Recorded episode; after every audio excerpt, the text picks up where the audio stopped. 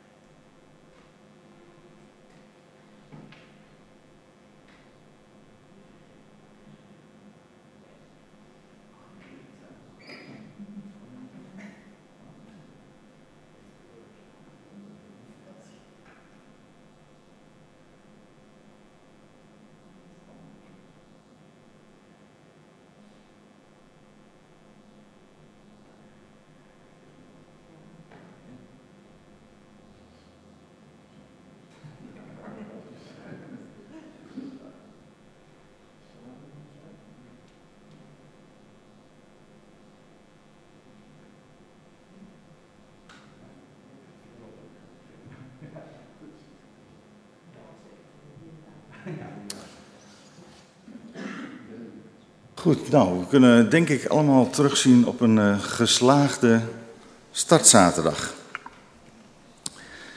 Wij zijn nu een moment stil om ons voor te bereiden op de ontmoeting met God. Ik wens u een gezegende dienst.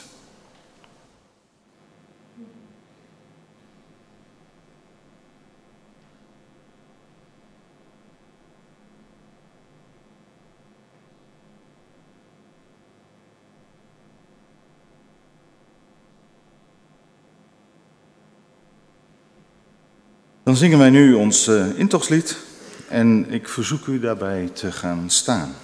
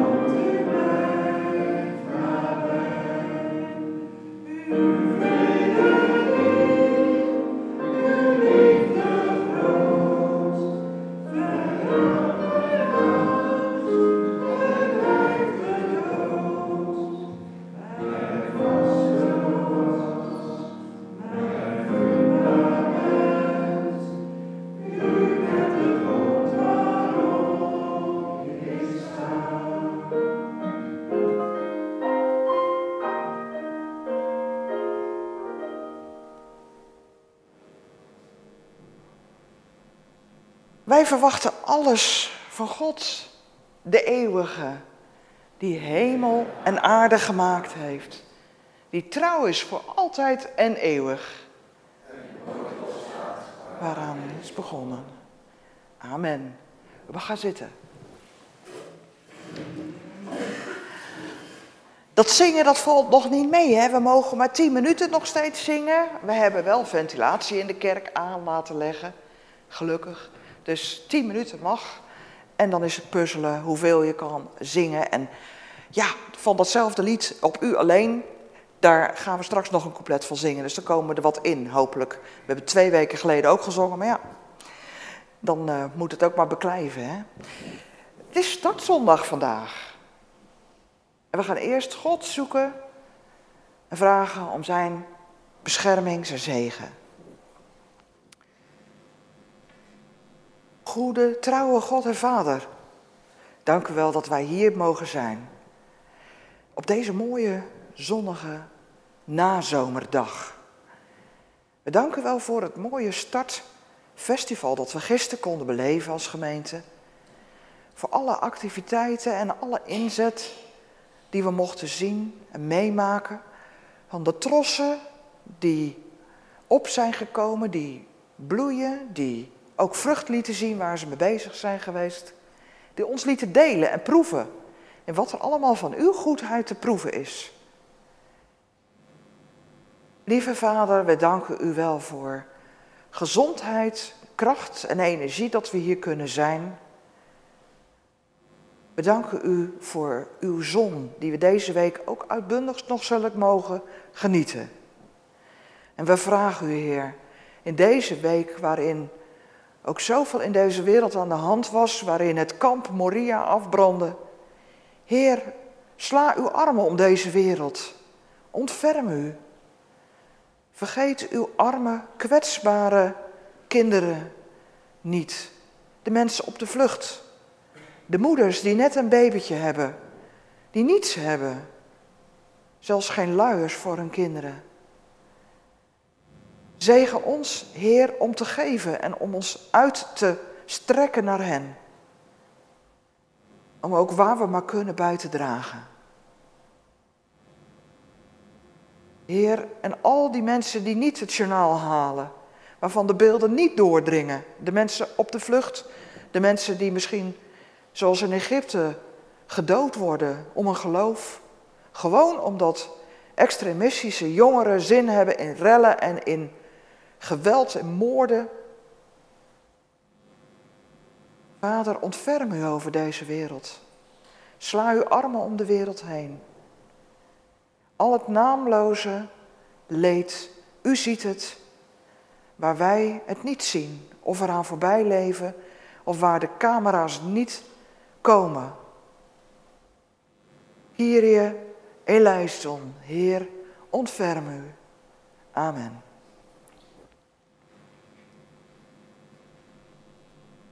Op deze startzondag, u ziet het al aan de bloemen die daar bloeien, gaat het, gaan we een beetje een aftrap geven voor dit komend seizoen. En het thema voor dit jaar is bloeien in Gods licht. Het goede leven. Nou, in de kerkmail die u uh, gehad hebt, staat er ook een artikel, verschillende artikelen over dit thema. Maar eentje ervan zegt, ja, tenminste ik heb dat geprobeerd te benoemen, het goede leven, hoezo? Als je in dit jaar zo stilgezet wordt door corona. Kan je dan wel zeggen het goede leven? Want er zijn toch mensen die ziek zijn geworden? Er zijn toch mensen die bang zijn? Er zijn toch mensen die blijvende longschade en hartschade opgelopen hebben. Hoezo het goede leven?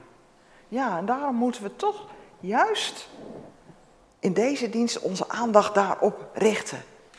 Want het versterken van onze aandacht bij wie God is en wat Hij ons allemaal wil geven, dat helpt ons juist. Dat is de beste weerstand, de beste immuniteit, het beste vaccin, zou je kunnen zeggen, tegen ziek worden, angst, bezorgdheid. En daarom gaan we juist stilstaan bij wat het betekent dat je bij God je toevlucht mag zoeken, dat je bij God mag horen. Dat God je wil zegenen en je wil laten bloeien. Ja, de kinderen zijn er uh, deze dienst niet bij. Er komen volgende week. Ja, u bent nieuw, dus ik vertel het even extra. De familie van Goor is nieuw lid geworden. Er zijn gelukkig nog meer mensen lid geworden. Zagen we gisteren ook op het uh, uh, startfestival. De familie van Stempvoort. ook een echtpaar. En die hopen, we hopen elkaar in de komende tijd en de activiteiten beter te leren kennen. En ook Willem Lindeman wordt lid. En uh, zal ook bij ons als gastvoorganger gaan voorgaan. En ook in Tuvine zijn we heel blij mee. Dus heel welkom. En normaal gesproken dan uh, hebben we soms maar een paar kinderen, soms helemaal niet. Vandaar dat volgende week zondag er speciaal voor de kinderen een kinderkerk apart een dienst is. En ik denk dat ze er daarom vandaag niet zijn. Maar voor ons allemaal geldt of je nou kind bent of eh, volwassen, ouder, waar ligt je aandacht? Waar ligt je hart? Hoe kijk je? Waar richt jij je verrekijker op? Of je, wat toets je in bij Google als je iets wilt uitzoeken? Waar ligt je hart? Ja. Het is niet een volledige kinderkerkdienst, hè? Nee. Ja. Ja. Er is een gewone kerkdienst hier in de kapel. En voor de kinderen is er een kinderkerkdienst in zaal 1-2. Dus er zijn volgende week twee hè, bijeenkomsten. En er is zelfs tienerkerk ook in, het, in de huiskamer. Dus er zijn er eigenlijk drie. Even voor de duidelijkheid, dankjewel Marjan. Waar gaat je aandacht naar uit? En daarom gaan wij lezen uit. Oh nee, ik vergeet wat. Ik wilde al naar de Bijbellezing, maar we hebben gisteren op de startdag ook zijn we bezig geweest met de Groene Kerk. Eh, de kraam staat er nog, we kunnen straks er langs lopen. Wat wil het zeggen om Groene Kerk te zijn? En ik zou eerst het woord geven aan Boukje en Peter.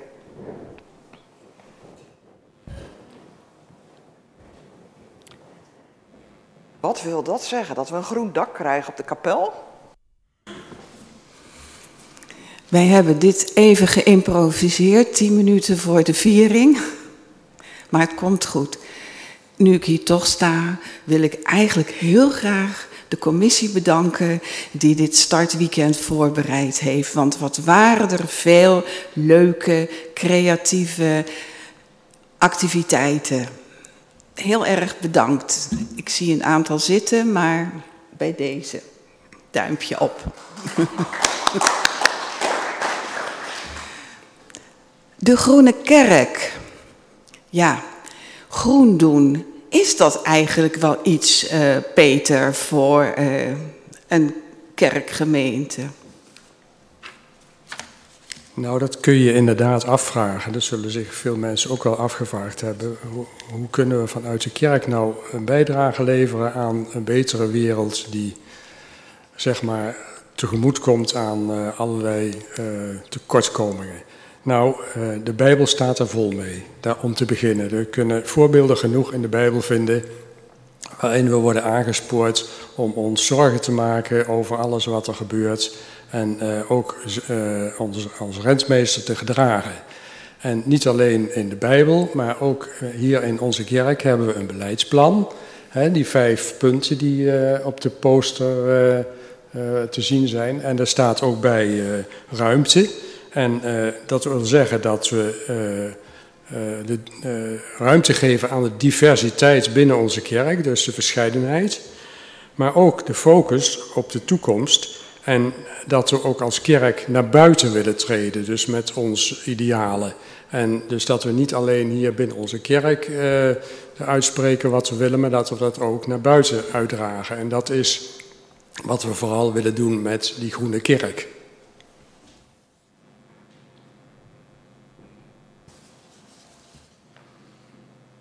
Dat is uh, dus een stukje beleid.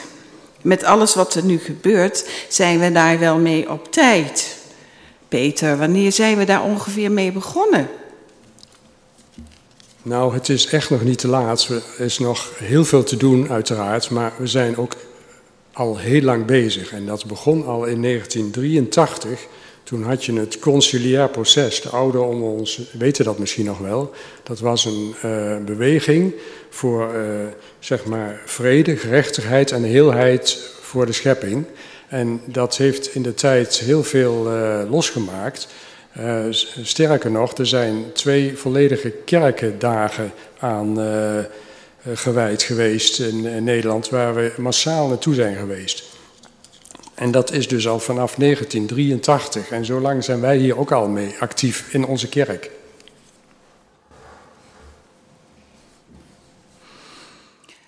En wat doet de gemeente al? Ik heb het tegen Edward al eens een keer gezegd. Achter de schermen gebeurt er best al wel veel aan, aan bezuinigingen op energie, aan vergroening. En Edward heeft dat voor ons geïnventariseerd. En dat ligt in een, uh, hoe heet zoiets, een handout op de groene kraam. Dus degenen die daarin geïnteresseerd zijn van wat we nu al doen aan vergroening en bezuiniging, die eh, kan dadelijk even op de kraam zo'n handout meenemen. En natuurlijk is de Groene Tros opgericht. Hè? De Groene Tros is ook om mee te denken van, kunnen we nog stappen zetten? Um, wat zijn haalbare stappen? Maar ik denk dan ook altijd aan de tekst die ik als kind moest leren. De oogst is wel groot, maar de arbeiders, hè, dus nieuwe ideeën zijn er. Um, misschien wil jij dat vertellen, welke ideeën er zijn? Nou, u kunt het uh, ook na afloop van de dienst nog even bekijken. Er hangen allerlei posters. We hebben daar allerlei mogelijkheden op aangegeven waar u zeg maar persoonlijk ook uh, aan, aan, kunt werken. En uh, dat, geeft, dat gaf een hele bemoedigende uitslag. Want uh, op die poster kon je dus uh, aangeven of je daarmee aan de gang wilde, of dat je dat misschien al uh, gerealiseerd had. En wat blijkt, er zijn heel veel mensen die al groene, groene tuin hebben en geen verstening erop nahouden, maar echt groen in hun tuin hebben. Er zijn heel veel mensen die hebben al zonnepanelen. Er zijn heel veel mensen die al fair trade kopen. Dus dat is zeer bemoedigend. Als je straks even langs die posters loopt, dan kun je dat zien. Hoeveel mensen daar actief bezig zijn. En hè, dat zijn allemaal kerkleden van ons. Dus wat dat betreft, uh, voor degenen die dat dan nog van plan zijn, want dat kon je ook aangeven, en dat zijn er ook aardig wat, geeft het toch ook wel een beetje saamhorigheid dat we niet alleen staan in ons streven naar een betere wereld, maar dat we het ook met elkaar doen. We kunnen hier nog wel een uur over vol praten, maar daar is dit uur niet voor bedoeld. Peter en ik gaan een artikeltje maken met de outcome van de groene kraam. En er zijn ook mensen die zich aangemeld hebben, bijvoorbeeld voor ideeën uit te werken. We zetten daar een uh, telefoonnummer bij en nou, we hopen dan op een goede respons. Dank jullie wel.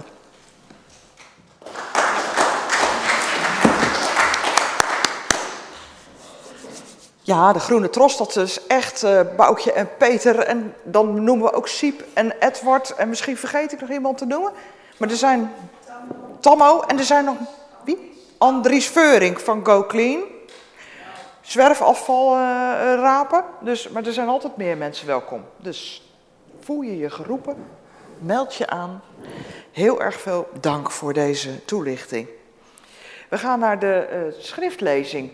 En eerst lees ik uit Matthäus en dan zal daarna Jan Mondria uit Romeinen lezen. Matthäus 6, vers 19 tot 34. Verzamel voor jezelf geen schatten op aarde. Mot en roest vreten ze weg. Dieven breken in om ze te stelen. Nee, verzamel schatten in de hemel. Daar vreten mot nog roesten weg en daar komen ook geen inbrekers. Waar je schat is, daar zal ook je hart zijn. Je oog is de lamp voor je lichaam. Als je oog helder is, zal heel je lichaam verlicht zijn. Maar als je oog troebel is, zal er in heel je lichaam duisternis zijn. Als het licht in jezelf verduisterd is, hoe groot is dan die duisternis? Niemand kan twee heren dienen. Er kan er maar één op de troon zitten in je leven. Hij zal of de een haten en de ander lief hebben, of hij zal juist toegewijd zijn aan de ene en de ander verachten. Je kunt nu eenmaal niet God dienen en de mammon. En daarom zeg ik je, zegt Jezus, maak je geen zorgen over jezelf. over wat je zult eten of drinken, of over je lichaam, of over wat je zult aantrekken? Is het leven niet meer dan voedsel en het lichaam niet meer dan kleding? Kijk naar de vogels in de lucht. Ze zaaien niet en oogsten niet en vullen geen voorraadschuren. Het is jullie hemelse vader die ze voedt. Zijn jullie niet veel meer waard dan zij? Wie van jullie kan door zorgen maken ook maar één centimeter, één seconde aan zijn levensduur toevoegen? Wat maak je je zorgen over kleding? Kijk eens naar de lelies. Kijk hoe ze groeien in het veld. Ze werken niet, ze weven niet. Dus ik zeg je, zelfs Salomo, de rijkste koning, ging in al zijn luister niet gekleed als een van hen. Als God het groen dat vandaag nog op het veld staat en morgen in de oven gegooid wordt, al met zoveel zorg kleedt, met hoeveel meer zorg zal hij dan jullie niet kleden, kleingelovigen? Vraag je dus niet bezorgd af, wat zullen we eten? Of wat zullen we drinken? Of waarmee zullen we ons aankleden? Dat zijn allemaal dingen die de heidenen najagen. Jullie hemelse vader weet wel dat je dat allemaal nodig hebt. Zoek liever eerst het koninkrijk van God en zijn gerechtigheid. Dan zal al het andere je erbij gegeven worden. Maak je geen zorgen voor de dag van morgen, want de dag van morgen zorgt wel voor zichzelf. Elke dag heeft genoeg aan zijn eigen last. De elf leerlingen van Jezus gingen naar Galilea, naar de berg die Jezus hun had genoemd. En toen ze Jezus zagen, na zijn opstanding, bewezen ze hem eer. En er waren er wel een paar die nog twijfelden. En Jezus kwam naar hen toe en zei, mij is alle macht gegeven in hemel en op aarde. Ga dus op weg en maak alle volken tot mijn leerlingen door hen te dopen in de naam van de Vader en de Zoon en de Heilige Geest. En leer hun zich te houden aan alles wat ik heb jullie opgedragen.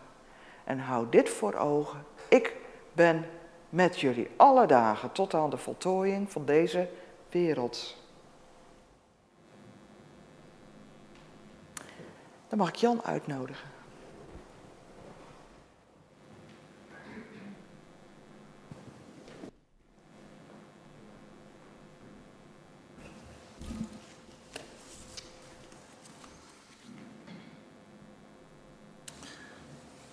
Wij weten dat de hele schepping nog altijd als in barensweeën zucht en lijdt.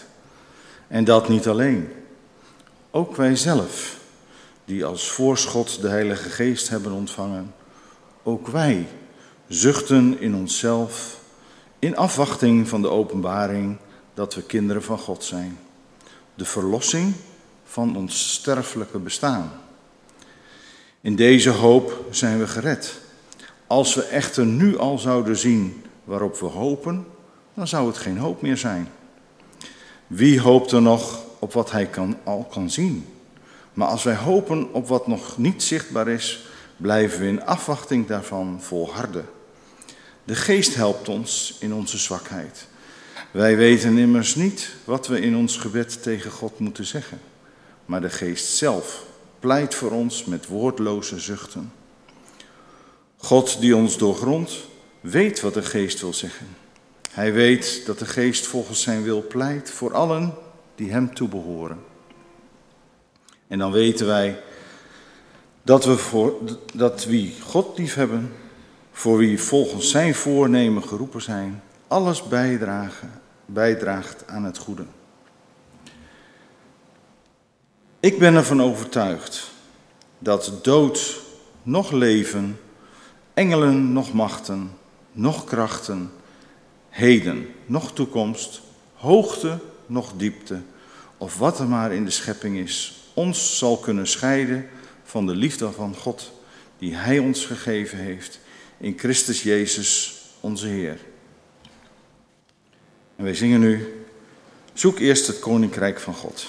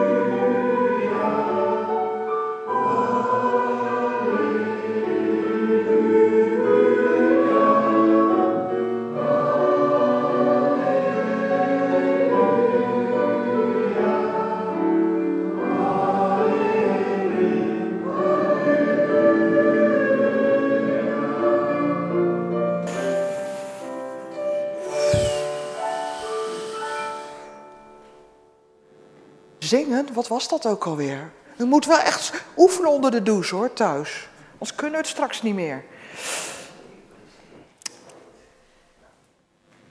Kiezen. Dilemma's. Dat was er gisteren bij de workshops ook, hè, Afina? Als je rondloopt in vakantietijd, hè, dan kom je van alles tegen. Uh, heuvels, zomaar een kapelletje, een kruis, een Keltisch kruis, uitzichten, mooie vergezichten. Dit is de baai van de Mont Saint-Michel in Bretagne aan de noordkust. Ja, ik wijs daar naar een steen, die komt zo in beeld. Maar even terug naar die baai en naar dat kapelletje. Daar zag ik dus een fantastische plek in die baai. De Mont Saint-Michel, dat u, die berg in zee waar, dat, die abdij op staat. Hè? Die, die, die, die, die kun je helemaal naar boven lopen. Wie is er wel eens geweest, Mont Saint-Michel? Ja, de helft. Is aanraden. Maar in die baai, daar was nog een berg, dat is een uitloper van diezelfde Mont Saint-Michel. En dat is de Mont Dol.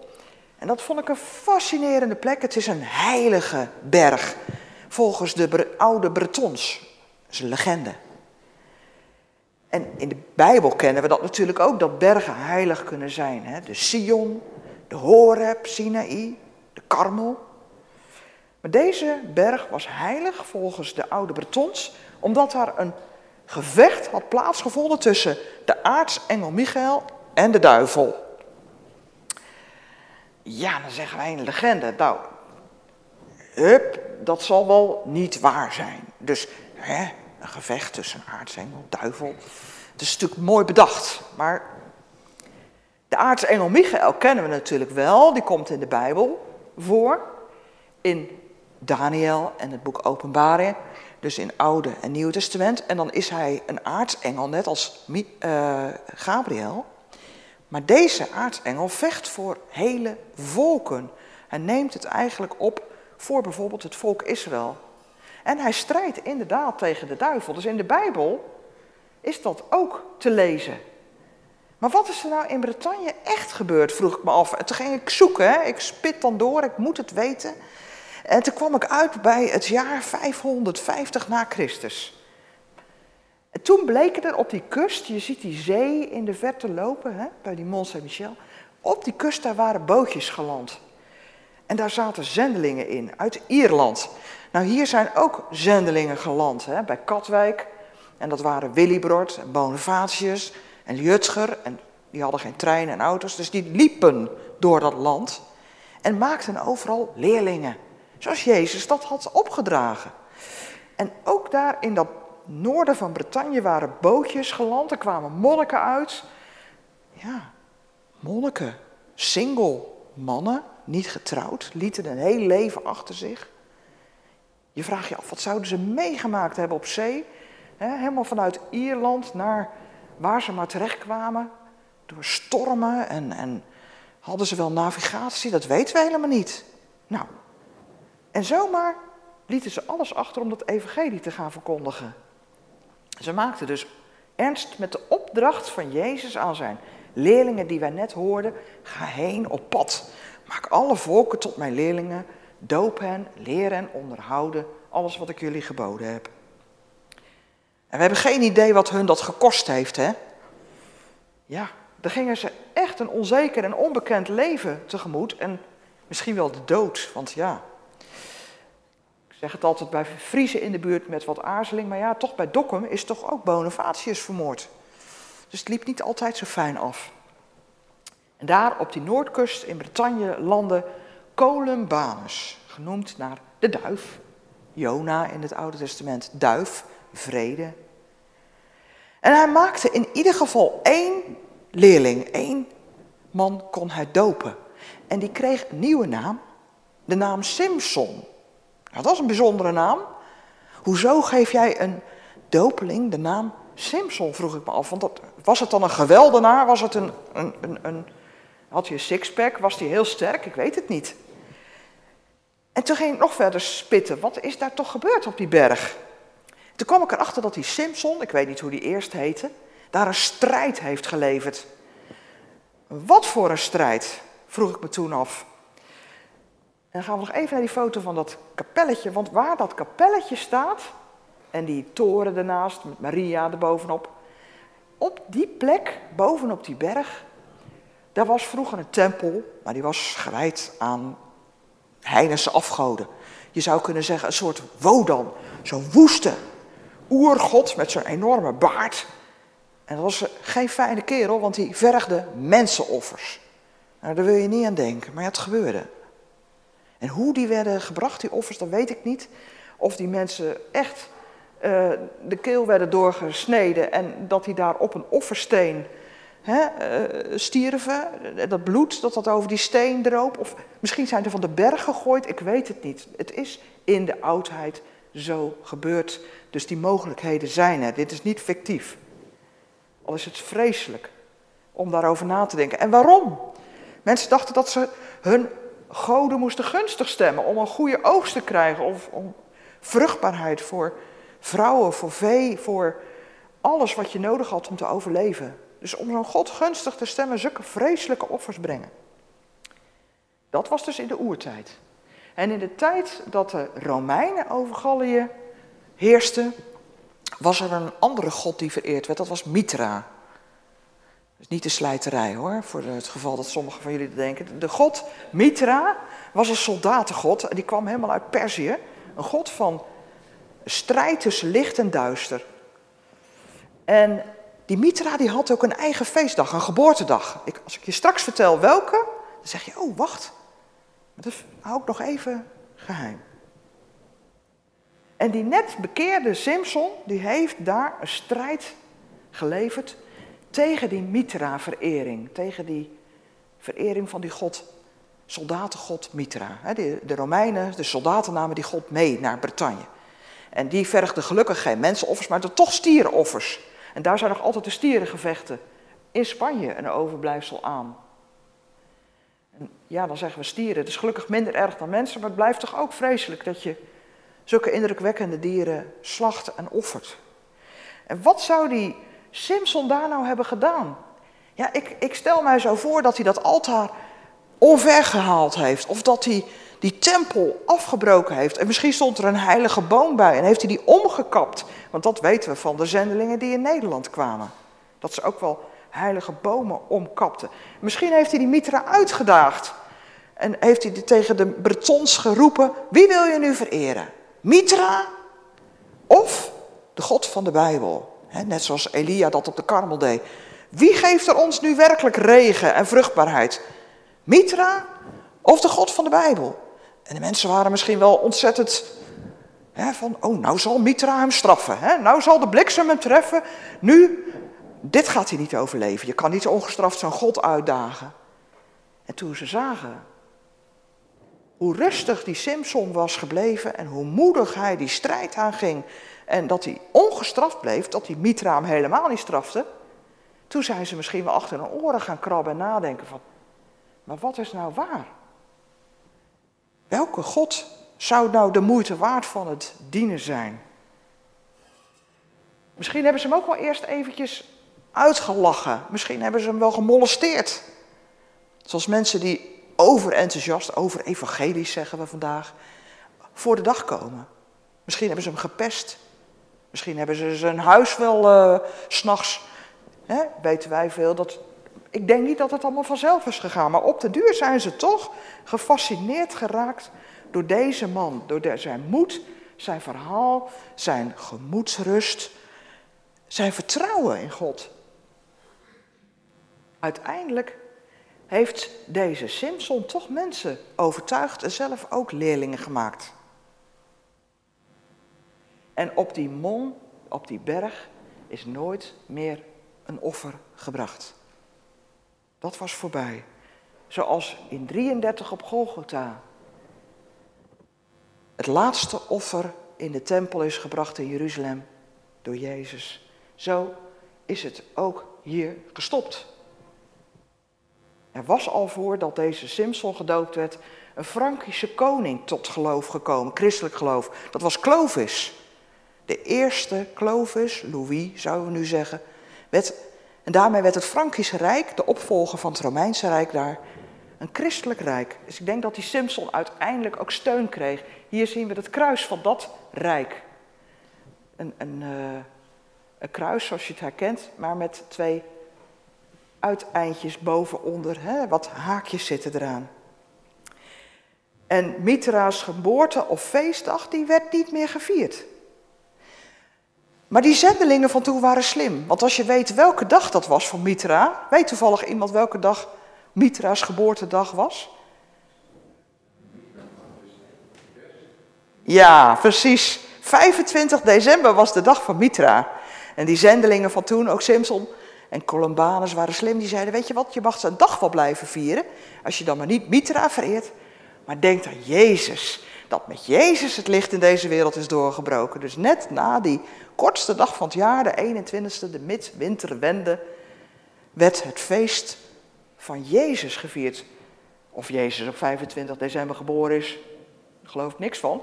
Maar zijn dag wordt tot op vandaag op 25 december gevierd door Mitra. Zo kunnen we het altijd onthouden. En Simpson werd dus wel beschermd door koning Clovis om daar een kapel te bouwen. En ook door Rome, waar toen ook al een aartsbisschop was die de paus werd genoemd. En Simpson, een van die eerste leerlingen in Bretagne, werd zelfs tot bisschop gewijd.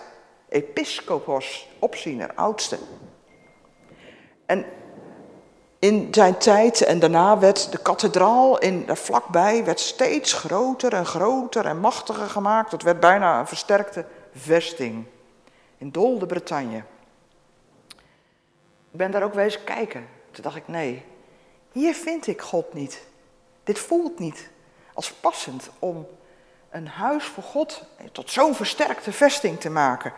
Dat past niet bij Jezus, die als zo'n zachtmoedige op een ezeltje Jeruzalem binnenreed.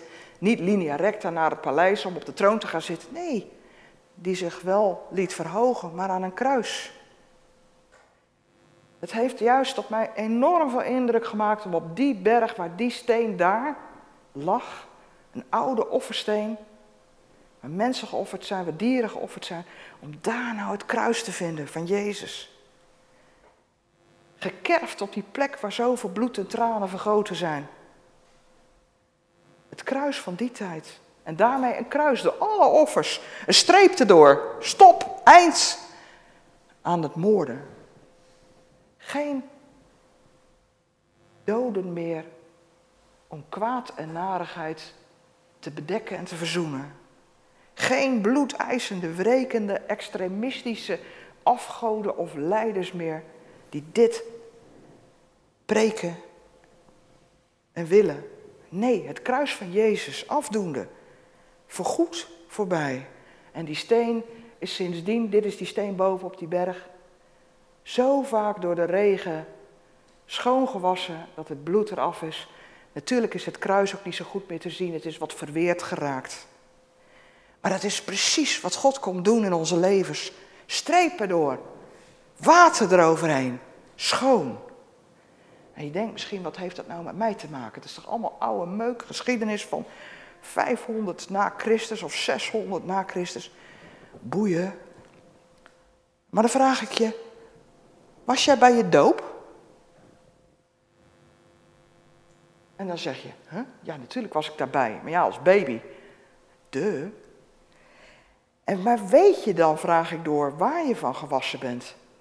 Weet je dat?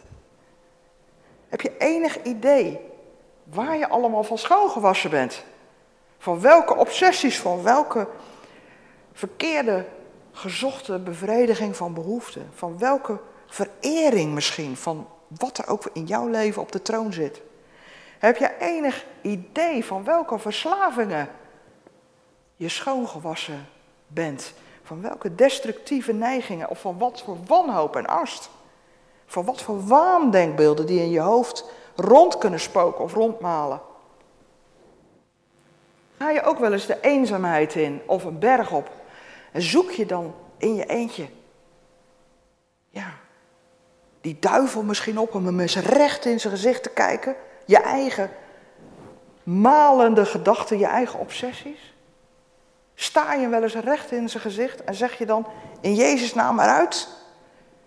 Ga je daar ook wel eens staan en smijt je ze de berg af en zeg je, wegwezen. In mijn leven heb je niks te zoeken. En dan kun je tegen mij zeggen, hoe doe ik dat dan? Wat, ik, ik, er is hier toch geen berg in de buurt? Is er hier ook zo'n plek dan?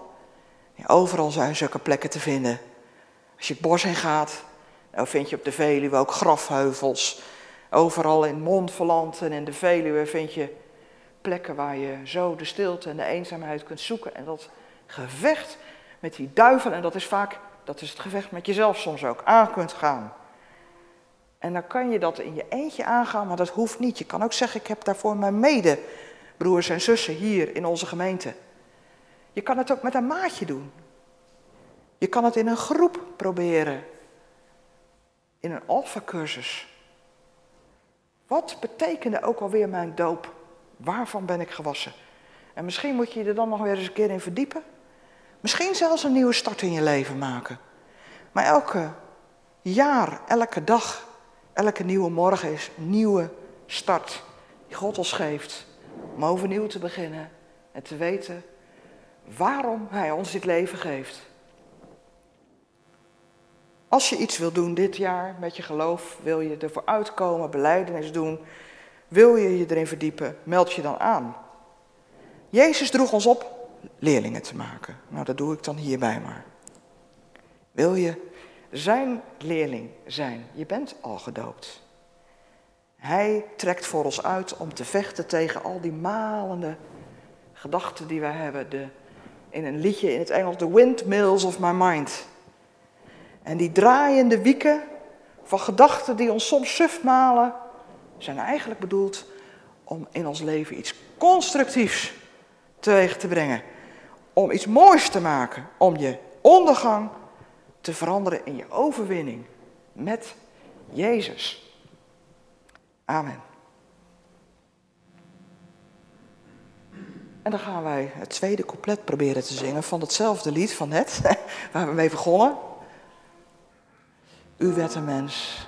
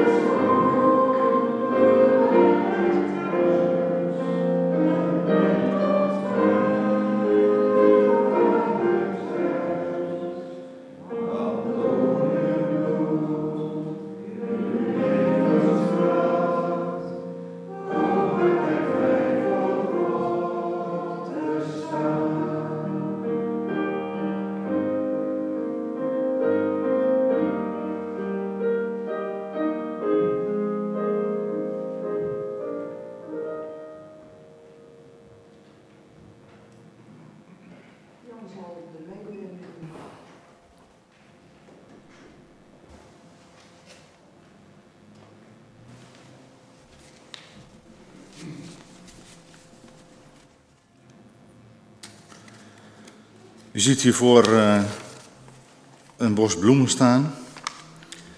En deze bloemen die gaan uh, ter bemoediging als een groet. Uh, ook, ook als beterschapswens van onze gemeente naar de heer Jansen aan de conferentie. Dan de collectes voor vanmorgen. Hebben de eerste collecte is voor het vastproject Schulpmaatje en de tweede collecte is voor het algemeen kerkenwerk. Alleen, uh, u zult bij de uitgang maar één collecte uh, zak vinden, of schaal. En um, nou is de regeling in ieder geval zo dat we de collecte gelijk verdelen over de beide projecten. Deze collectors zijn in ieder geval van harte bij u aanbevolen. Geeft u met uw hart.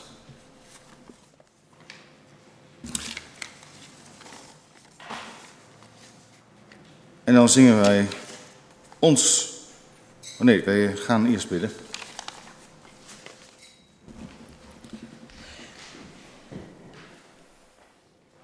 Er is uh, voorbeden gevraagd door uh, de gastpredikant van volgende week, Johan Lotterman. Johan Lotterman gaat geregeld in ons midden voor. En ja, voelt zich ook heel verbonden met onze gemeente. Hij vindt het fijn om volgende week weer te komen, ook na weer een hele tijd. En hij zelf, uh, het, het, is gelukkig allemaal goed met hem. En uh, hij vroeg of we wilden bidden voor zijn familie, want zijn kleinzoon wordt geopereerd. Hij heeft een tumor aan zijn knie. En dat, ja, dat doe ik graag. Daarnaast willen we natuurlijk ook danken voor uh, mensen die een huwelijksjubileum hebben. Amadee en Mimi van Langeveld zijn 45 jaar getrouwd, vieren dat gezellig deze week op Vlieland. En wij zullen God voor hen danken. Goede Vader, wij danken u wel dat we hier konden zijn, samen konden komen. Dat we zo weer u en elkaar mogen ontmoeten hier in de kapel in Duiven. Plek die als we zo terugkijken op zo'n lange geschiedenis van uitzending van leerlingen, van apostelen en nieuwe leerlingen die elke generatie weer gemaakt worden, misschien nieuw is. Wij zijn hier nog maar 30 jaar in Duiven. Maar al honderden jaren zijn hier kerken katholieke kerken, oude plekken waar u gediend en vereerd bent. Heer, wij danken u voor de trouw van de mensen die voor ons leefden in het ons doorgeven van dit goede nieuws. Heer, wij danken u ook voor iedereen die trouw in eigen leven ervoer van u, door trouw te kunnen zijn aan elkaar. Voor het huwelijksjubileum van Amadee en Mimi van Langeveld, 45 jaar getrouwd. Wij danken u met hen en willen ook met hen blijven gaan en zegenen op hun weg. Wilt u zijn met de familie van Johan Lotteman die volgende week voorgaat? Wilt u zijn kleinzoon zegenen in de operatie aan de knie? Wilt u zijn met allen die we misschien nu niet noemen, maar mensen die ook een ziekteproces doormaken of een operatie in het vooruitzicht hebben of een andere behandeling, wil ieder zegenen. En we dragen in stilte de mensen die ons nastaan aan u op.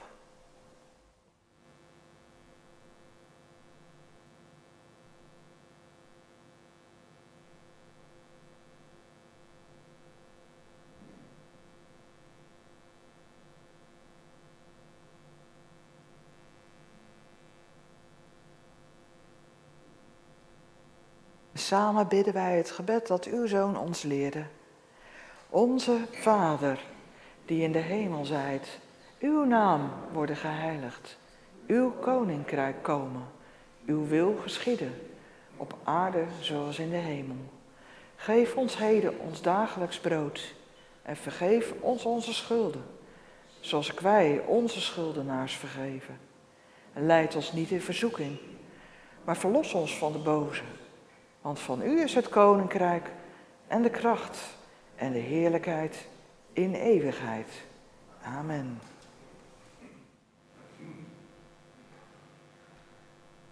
Wilt u gaan staan voor de zegen en het slotlied?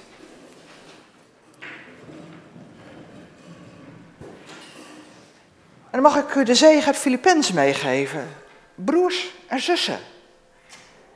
Hou je bezig met alles wat waar is, wat edel is, wat rechtvaardig is en zuiver. Wat de moeite waard is om van te houden en respect voor te hebben. Koester dat. Wees nergens bezorgd over, maar vraag alles wat je nodig hebt aan God. En dank God voor alles. En dan zal Gods vrede, die alle verstand te boven gaat, je hart en gedachten in Christus Jezus bewaren. Amen. En wij zingen het lied Zegen mij.